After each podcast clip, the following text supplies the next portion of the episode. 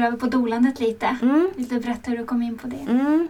Det känns ju liksom logiskt men vi vill höra Ja. historia. Alltså jag hade ju lite tankar redan på osteopatiskolan att jag ville bli barnmorska också. Jag kan ju önska ibland att jag hade gjort det där och då för då hade jag kunnat liksom gå halva utbildningen eftersom jag redan var legitimerad. Och så, och så där är det inte så att man måste bli sjuksköterska först och sådär. Nej. Men det gjorde jag inte utan vi stack och reste istället. Men ehm, jag tänker ofta på det här också som dolandet hur mycket man kan göra innan. Alltså hur mycket av dolandet som inte är stödet under själva förlossningen. Och bara det här äh, att träffa någon, att säga något, någonting man hör, någonting man läser kan göra så stor skillnad. Och för mig, när jag var gravid, när jag upptäckte att jag var gravid, då bodde vi, det låter så himla konstigt, vi hade rest väldigt länge, vi hade väldigt låg budget och vi var på någon ö i Thailand just då. Vi hade träffat någon, en tyska, de var kanske 20 år äldre än mig och hon hade också låg budget och vi, så vi bestämde att vi skulle dela rum helt enkelt. Så i typ en vecka så sov vi liksom så här under vårt varsitt myggnät, jag låg i mitten och hon låg på ena sidan och min man sådär. Så vi bara delade rum, skulle spara pengar. Och så gjorde jag det här graviditetstestet, kommer jag ihåg, jag var på toan och så kom jag ut och bara, där är hon, jag känner knappt henne. Jag vill bara, jag sa till mig, vi ses på stranden. och så var jag så, okej men nu måste vi berätta det här för henne för nu vill vi bara prata om det här. Och så i alla fall, så vi berättade. Det var jättetidigt.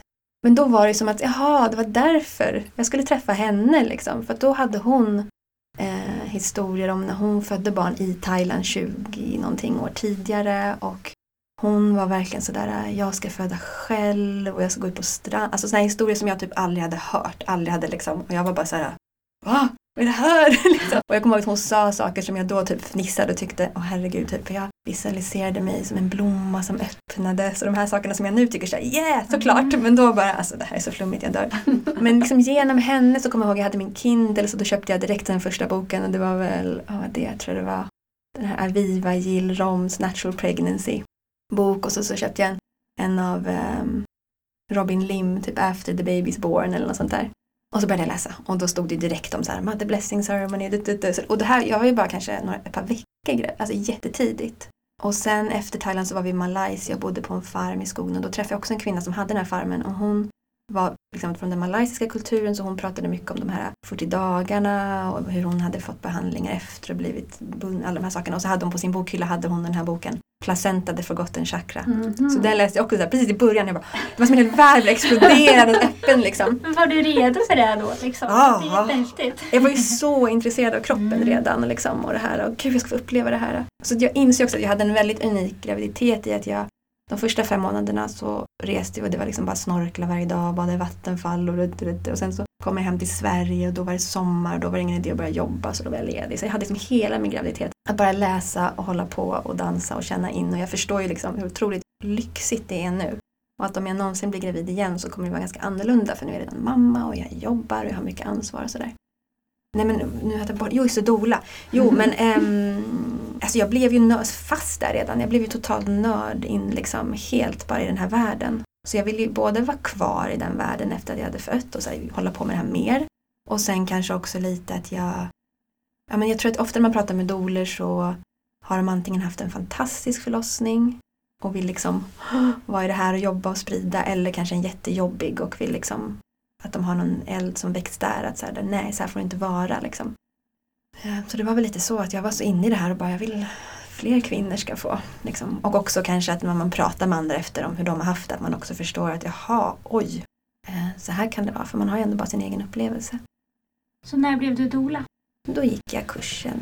Det var 2016 va? Med er två? Inte med mig. Nej, inte med dig Anna. Nej. Förlåt. Nej, fara. Vi har träffats på någon annan kurs. Ja, vi har ju träffats ändå. Ja. Mm.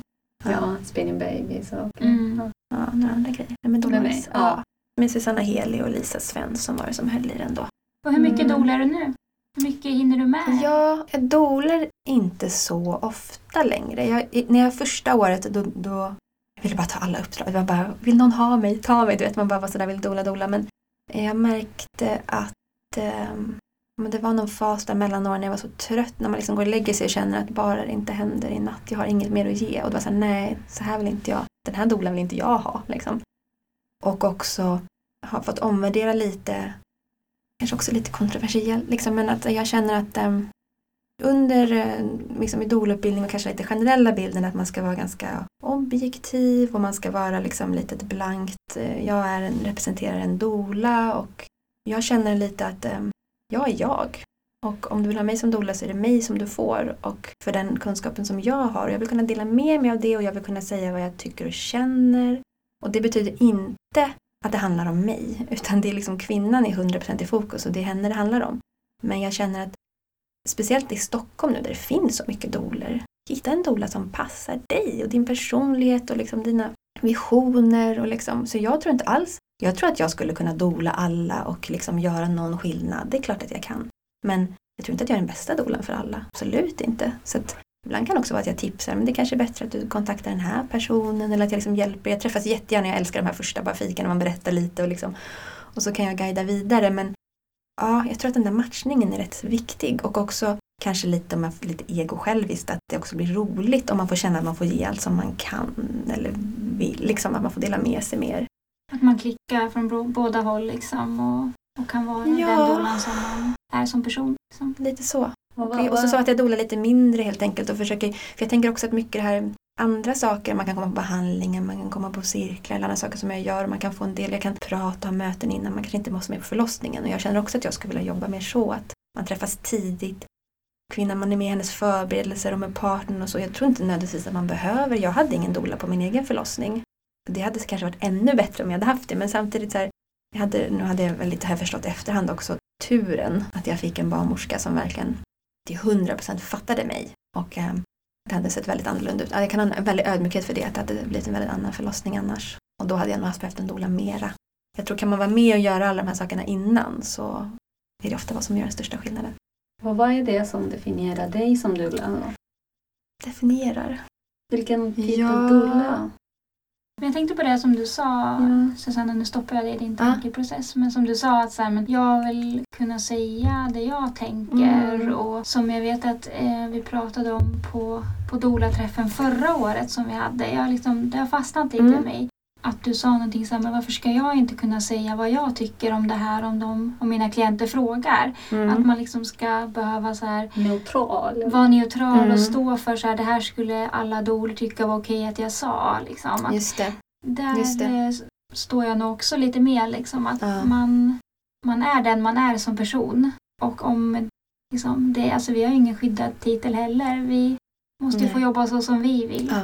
Och det är ju en sak när man, om man är med någon på sjukhus när man är väldigt där, att ifrågasätta eller kritisera eller sådär.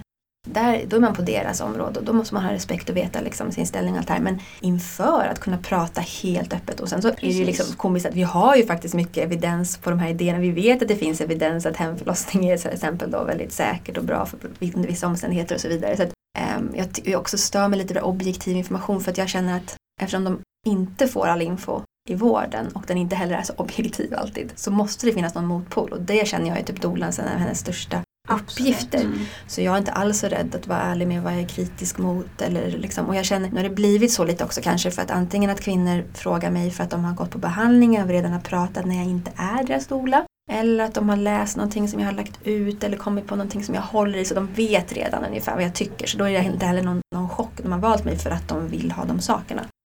Men jag tror inte vi gör någon en tjänst egentligen genom att bara, liksom, bara, jag vet inte. Det, kan, det finns säkert, det, pass, alltså det, det, är bra att det finns olika sorter. Så, ja, nu sitter jag och säger här det finns olika sorters doler, så vilken sorts dola är jag? Men, men det roliga med det tycker jag, när man pratar inom dola-sammanhang, om man bara träffar doler, då är det ju så här, men då tycker vi ändå ganska lika tycker jag. Så jag tror att ofta så här, mm. kanske snarare att man håller tillbaka eller liksom inte vill lägga sitt personliga eller så. Men vad är det som utmärker mig kanske?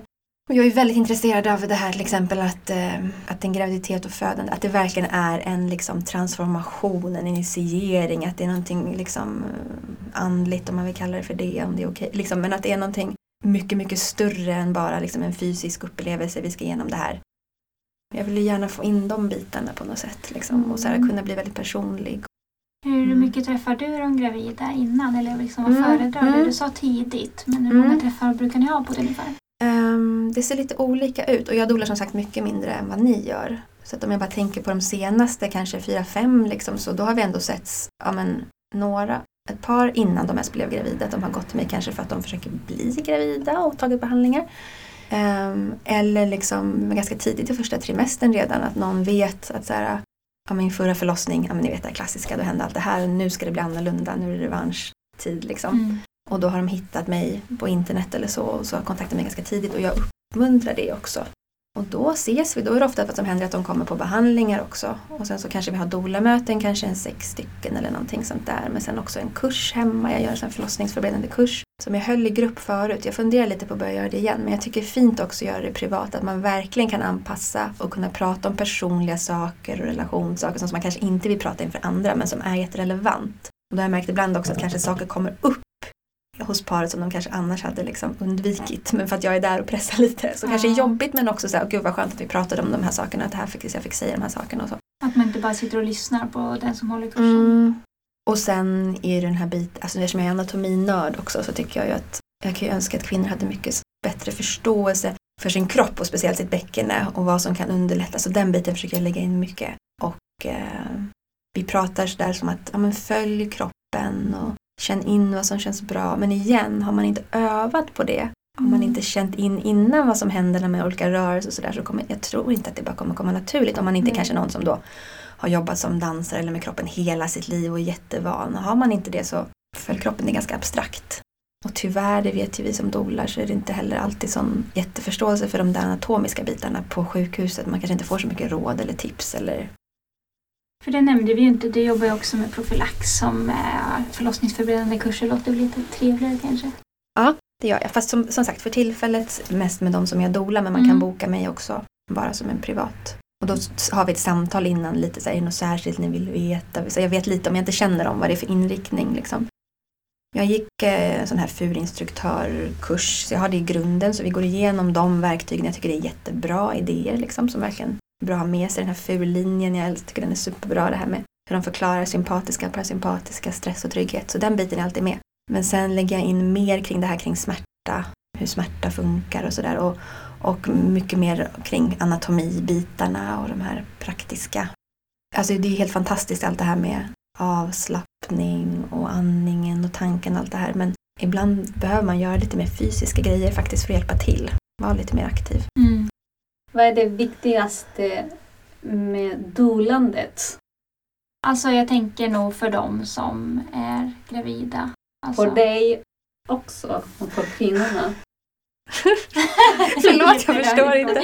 Men jag tänker typ så här, Varför är det viktigaste med att ha en doula? Nej, men så här, vad är viktigt för dig i ditt dolande? Till exempel för mig är det viktigt i mitt dolande att de som anlitar mig eh, litar på mig till exempel. Mm. Eh, och för mig är det viktigt att de väljer mig för att de vill ha mig som dola. Inte så här på grund av att jag har dolat mycket eller på grund mm. av att eller sådär liksom. Eller kanske... Det är du som har skrivit frågan Dolores, men jag tolkar den så. ja.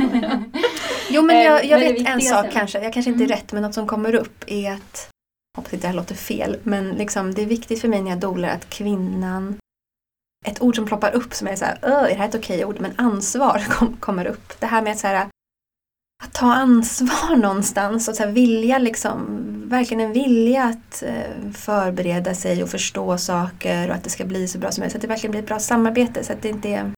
Nu ska hon fixa det här åt mig. Typ. Ja, lite så. Fast ja, jag vet inte, det är ju kanske inte det viktigaste. Jag tycker man kan säga men, ansvar. Jag tycker uh, liksom att, För mig, viktigaste är att stötta kvinnorna i deras eh, val. Ja. Så den där biten ja. är viktig för mig. Mm. Ja.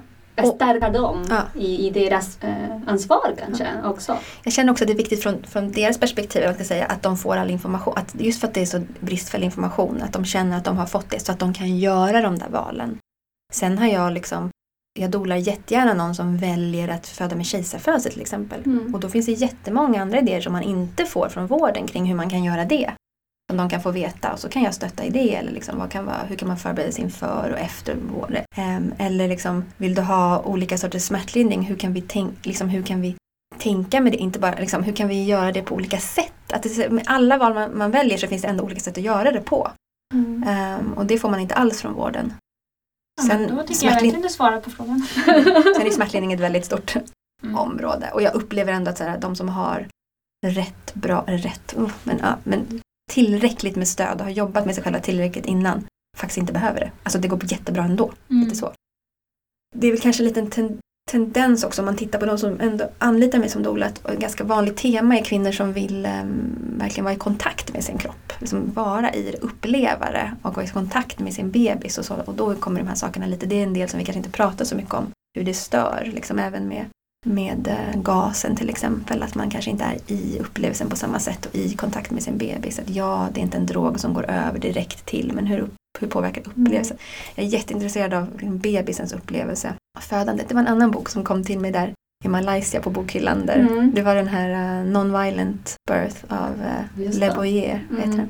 Och det är verkligen från bebisens perspektiv. Så det var också mm. som kom, det hade jag aldrig tänkt på innan. Att, och nu är det ju lite skräckexempel för det är inte så det går till så som han beskriver det. Att man håller en bebis upp och ner i fötterna och skakar. Sådana här konstiga saker som man gjorde förr. Så det är ju mycket, mycket bättre. Men ändå, vad är bebisens upplevelse liksom under, under graviditeten och förlossningen och tiden efter? Vi har planerat ett sådant avsnitt, att födas. Ja, mm. och då ska ni hitta någon som håller på med sådana här olika rebirthing mm. För det är så intressant. Det vill jag mm. få uppleva själv. Det här att faktiskt mm. koppla till sin egen ja. födsel. Det är fascinerande. Linda Morge pratade ju lite om det. Att mm. återuppleva sin mm. födelse mm. genom andning och ja, mm. andningsterapi. Det är liksom att vi bär med oss hela livet, inte bara där och då. Ja. Precis, både liksom i kroppen och i själen. Det försöker jag förmedla också mycket med eh, det här att det inte bara är du utan att det är du och din bebis tillsammans ni gör det här och försöka få in det mycket hur vi pratar mm. om det, hur vi tänker inför. Eh, vi vill ju också hinna med att prata lite om de här eh, cirklarna och ceremonierna som du gör. Mm. Eh, vill du berätta lite mm. vad, du, vad du sysslar med förutom dolandet och osteopatin? Jag har alltid massa projekt. Jag är lite sådär, lite jobbigt att jag alltid har nya idéer på projekt. Mm, det är jättekul. Um, så upprepa samma sak istället. Men alltså egentligen handlar det nog om att jag med typ allting jag gör det låter jag så himla ego men att, att liksom, jag gör sånt som jag skulle vilja ha själv. Mm. Typ det här, när jag var gravid så saknade jag det här, jag ville gå på de här sakerna. Jag hittar ingen som gör det, då gör jag det. Eller liksom... När du gör det, står du inte i sönder? Nej, Nej. Så, det är viktigt. Nej. Jag, jag och faktiskt varit... lite, kanske lite ibland att jag inte får njuta av det alls själv. Nej, jag tänker att det är extremt ja. oegoistiskt. Ja. Alltså för att du tänker så här, men det här hade jag velat ha och då gör jag det för andra kvinnor. Ja, alltså, det är... och du verkligen gör det. Verkligen. Men jag, det är ändå baserat på, det, det gör att det blir mer spännande att göra det för att det är någonting som jag själv skulle vilja Ja men precis, det är din drivkraft. Liksom. Ja, mm. ha eller uppleva. Så um, till exempel något som ändå är lite återkommande det är de här, gravids, de här cirklarna för gravida som jag kallar för Heart and Womb Circle. Som jag skulle gärna göra lite mer återkommande.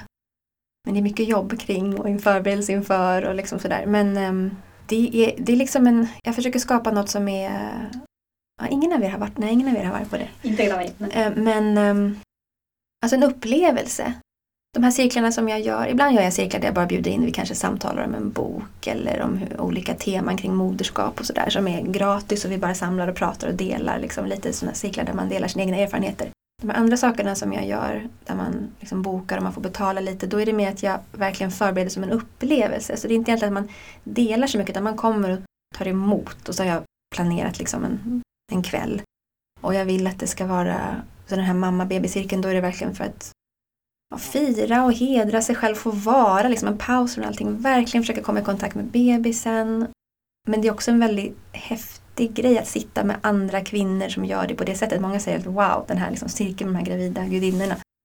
Och jag väv, försöker väva in det. Jag känner, ibland känner jag det här att jag inte jobbar med konst och koreografi och sådana saker. Att liksom min kreativa outlet nu det är att skapa de här upplevelserna. Det är nästan lite som en föreställning på det sättet att jag ändå så försöker tänka vi börjar med det här och sen kommer det här. Och, så det är en blandning av, liksom, vi använder musik, kanske sång, meditation, visualisering, dans. Eh, dricker och äter vissa saker. Jag vill inte avslöja allt, det är lite hemligt också. Mm. Säga. Nej, men det, är lite så här, det ska vara en känsla, för jag känner också att vi så väldigt, har väldigt lite ceremonier och ritualer, att det är extremt starkt. Jag, inte, jag tycker om att göra det och det är väldigt uppskattat.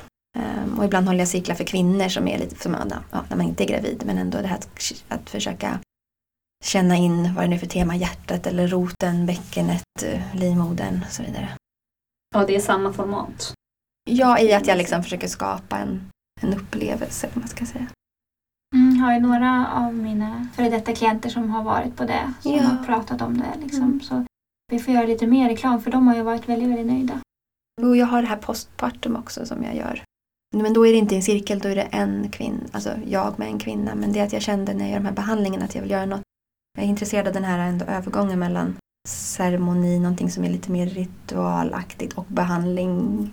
Så då, det kan man komma på när det har gått minst sex veckor. Så det är lite symboliskt här också att den här första, första, verkligen första läkningstiden, för det är inte så som man säger inom vården att 68 veckor och sen är du tillbaka. Utan det är verkligen den här första men ändå jag, jag betonar väldigt mycket när jag dolar också att verkligen respektera de här första göra så lite som man kan och det är väldigt få som lyckas hålla på det. De flesta går ändå på långpromenader efter två veckor eller sådär. Um, jag försöker verkligen prata då från en där ändå kroppsligt fysiologiskt liksom att det är kanske är en dålig jämförelse men jag fortsätter att ta upp den. Att om man har stukat någonting eller man har gips eller man har brutit någonting, sen skada som man kan se och så vet man att läkningen tar 68 veckor. Det accepterar alla. Man ska inte få för sig att liksom dra av det där bandaget eller börja stödja på den där foten innan. Um, och det tar så lång tid. Du har ett sår i livmodern där moderkakan har suttit och det ska dra ihop sig, det ska läka, saker ska, det tar det minst. Liksom. Men för att man inte ser eller kanske inte känner eller man är hög för man har haft en bra upplevelse eller inte. Eller, men men, men eh, många pushar för tidigt. Liksom. Och jag tror att eh, det påverkar på sikt så när den där tiden är slut då kan man komma på det här som är liksom lite symboliskt också att den tiden är över. Och då är det som en blandning med också, vi, vi använder sån här steaming, man sitter på örter um, och mm. ångar under livet och vi mediterar och sätter intentioner och så är det massage och lite olika saker som händer. Men det brukar också vara väldigt mm. uppskattat. Så det är en blandning mellan ceremonier och ja, eh, behandling? Ja. Då kan man också få den här uh, jobba med bäckenbotten direkt mm. inom det också om man vill. Jag kan väva in lite holistic pelvic care i det om man vill. Alltså det låter helt underbart. Ja, ja. jag bara, åh jag blir gravid. Men det, och det behöver inte heller vara 68 veckor. Det kan vara Säg att man har eh, fortfarande jobbiga känslor kring förlossningen eller liksom man blir ledsen när man tänker på det eller någonting väcks. Eller så, då kan man också, även om det har gått år efter, kan man göra sån här mm -hmm. postpartum liksom, symbolisk och jobba med det. Det kan man komma på. Mm -hmm. Hur ofta håller du de här ceremonierna? Vilken? Eh, jag tänker kvinnocirklar och gravidcirklar. Ja. Um, alltså det blir inte så ofta som jag skulle vilja för det ska funka med familjen och man ska ha tid. Och, så det händer väl ja, med månader emellan i alla fall. Kanske mm. en gång per säsong. Eller jag skulle gärna eller om jag vet att sen och nu känner jag ganska, nu har jag träffat många som är gravida som nog skulle vilja komma på det här. Då kanske jag sätter ett datum lite så. Men om man, jag lägger alltid upp det på nu, numera, sen jag är på Facebook ett år tillbaka. Så det finns på Facebook, på Instagram. Eller om man, är, man kan signa upp sig på min hemsida så får man också skicka ut om jag håller någonting, en inbjudan. Mm -hmm. Så att man kan också fråga mig, liksom, har man ett intresse, kan du hålla det här nu? Så kanske jag drar ihop det. Liksom. Men det skulle också vara, jag, jag skulle också gärna inspirera andra doler och andra att också göra liknande saker, att det blir mer sånt här. För jag tror att det finns verkligen ett eh, ja, jag vet inte om det riktigt finns en stor efterfrågan men jag tror att det skulle kunna bli om folk fick veta det mer och höra mm, om det och träffa andra som har gått på det. Sådär. Mm. Och det är väldigt roligt att göra också. Och du har också Mother Blessing ceremonier. Mm, det har du varit på en, eller hur? Ja. Det har jag inte heller så ofta men det är också att det inte finns så himla stor efterfrågan. Men det tycker jag, jag, jag vill gärna bara också inspirera Alltså man behöver inte ha någon annan som håller i det. Så Mother Blessing, de som inte har hört om det, det är mm. um, alltså en, ett firande eller en tillställning som man håller för den gravida kvinnan. Och det kan se ut på alla möjliga sätt. Men det, man kan se det lite som ett alternativ eller, eller en ursprungligare version kanske till och med än det här med baby showers och sånt. Mm. Där det är mycket så fokus på presenter och lekar och lite sånt. Och bebisen också. Ja, mycket fokus på bebisen och kanske om det är en pojke eller flicka. Nu är det mycket ja, som man ser med ja. gender reveal och sånt där. Ehm, så det här är verkligen fokus på mamman och liksom hennes känsloliv och hennes förberedelse att hedra och det här. Så det finns ganska mycket idéer online, böcker man kan hitta, googla, bara söka. Så jag skulle verkligen uppmuntra att om man har en väninna som är gravid, liksom bara styra upp någonting själv. Jag ger gärna idéer. Men vill man inte göra det, vill man att någon annan ska ordna det så kan jag också liksom bli inbjuden och hålla i det. Och då är det ju gärna att jag behöver veta lite om kvinnan och sådär. Men det är vissa saker som ändå brukar funka ganska fint. Och det är verkligen ja, men en liten intim grupp och man välsignar henne och önskar henne liksom allt gott och tar hand om henne och, och liksom, ja, vissa element som brukar vara lite musik, lite rörelse, massage eller någonting. Lite, man ber någon bön eller man ger någon hälsning eller gör något för henne som hon kan ta med sig. Eller, eh, så det brukar vara fint att ha liksom ganska tätt inpå mm. förlossningen. Och i början så höll jag det som en kvinnogrej men det är väldigt fint också om man har den relationen där en partner är intresserad och vill vara med så kan det vara otroligt eh, rörande att se att han faktiskt får bevittna och vara en del av det här också. Och ta emot också. Liksom, men det är ändå mm. fokus på kvinnan. Men igen, det finns inga regler. Man kan verkligen, och jag, det är roligt, jag gjorde en för mig själv. För jag, jag kom hem och ja, men det var så inspirerad, jag hade så mycket tid också så jag bjöd in och liksom det säger någonting om mig också. Men, men jag tror att om jag blir gravid igen nu när jag har så mycket vänner som liksom är intresserade av det här och så, då får ni ordna åt mig. Ja, gud ja. Så fin grej. Vi pratade en del om det här innan, liksom, men så här, vikten av att stötta varandra och att liksom eh, låta kvinnan få liksom, alltså, ta den platsen liksom, och vara i det centrumet och liksom, fira den storheten som det innebär att liksom, mm. vänta och föda. Mm. Och markera att det är någonting stort. Ja. Det känner jag generellt i samhället. Sån frustration. Det här att det är så, för mig är det så, du vet, otroligt heligt och stort och fantastiskt och vi förväntas typ att gå och jobba tills det nästan är dags och ingen särskilt kanske ska vara glad om du får en sits på tunnelbanan. Typ. Alltså du vet, mm. jag har lust att rulla fram röda mattan och bara äh. här du livgiverska. Som mm. liksom, jag, vill, jag tycker det är alldeles för lite liksom det här firandet. Mm. Och sen efter också. Ja, verkligen. Mm. Att man lätt glöms bort. Mm. Um, är det något mer Dolores som du tycker att vi inte har pratat om eller framförallt du Susanna som du tycker att vi inte har pratat om? Man hinner ju aldrig med allt. Nej, jag vet inte riktigt. Vill du mm. eh, nämna din hemsidas namn och Instagram och Facebook? Mm. Det är olika versioner av livmoder. För på Instagram får man inte ha ett sånt här mellanstreck. Så det blir, på Instagram är det liv understreck, säger man så? Mm. Moder. Och på eh, hemsidan är liv bindestreck moder. Och på Facebook är det livmoder som ett ord tror jag. Mm. Ja, lite knäppt att det är olika. Mm, där kan man hitta mer info. Jag finns som sagt i Bagarmossen mm. om man vill komma på behandling. Och jag gör ibland hembehandlingar men det är lite när det, när det funkar. Mm. Tack Susanna för att tack du kom snälla. till oss. Stort tack. Tack för att ni bjöd in mig.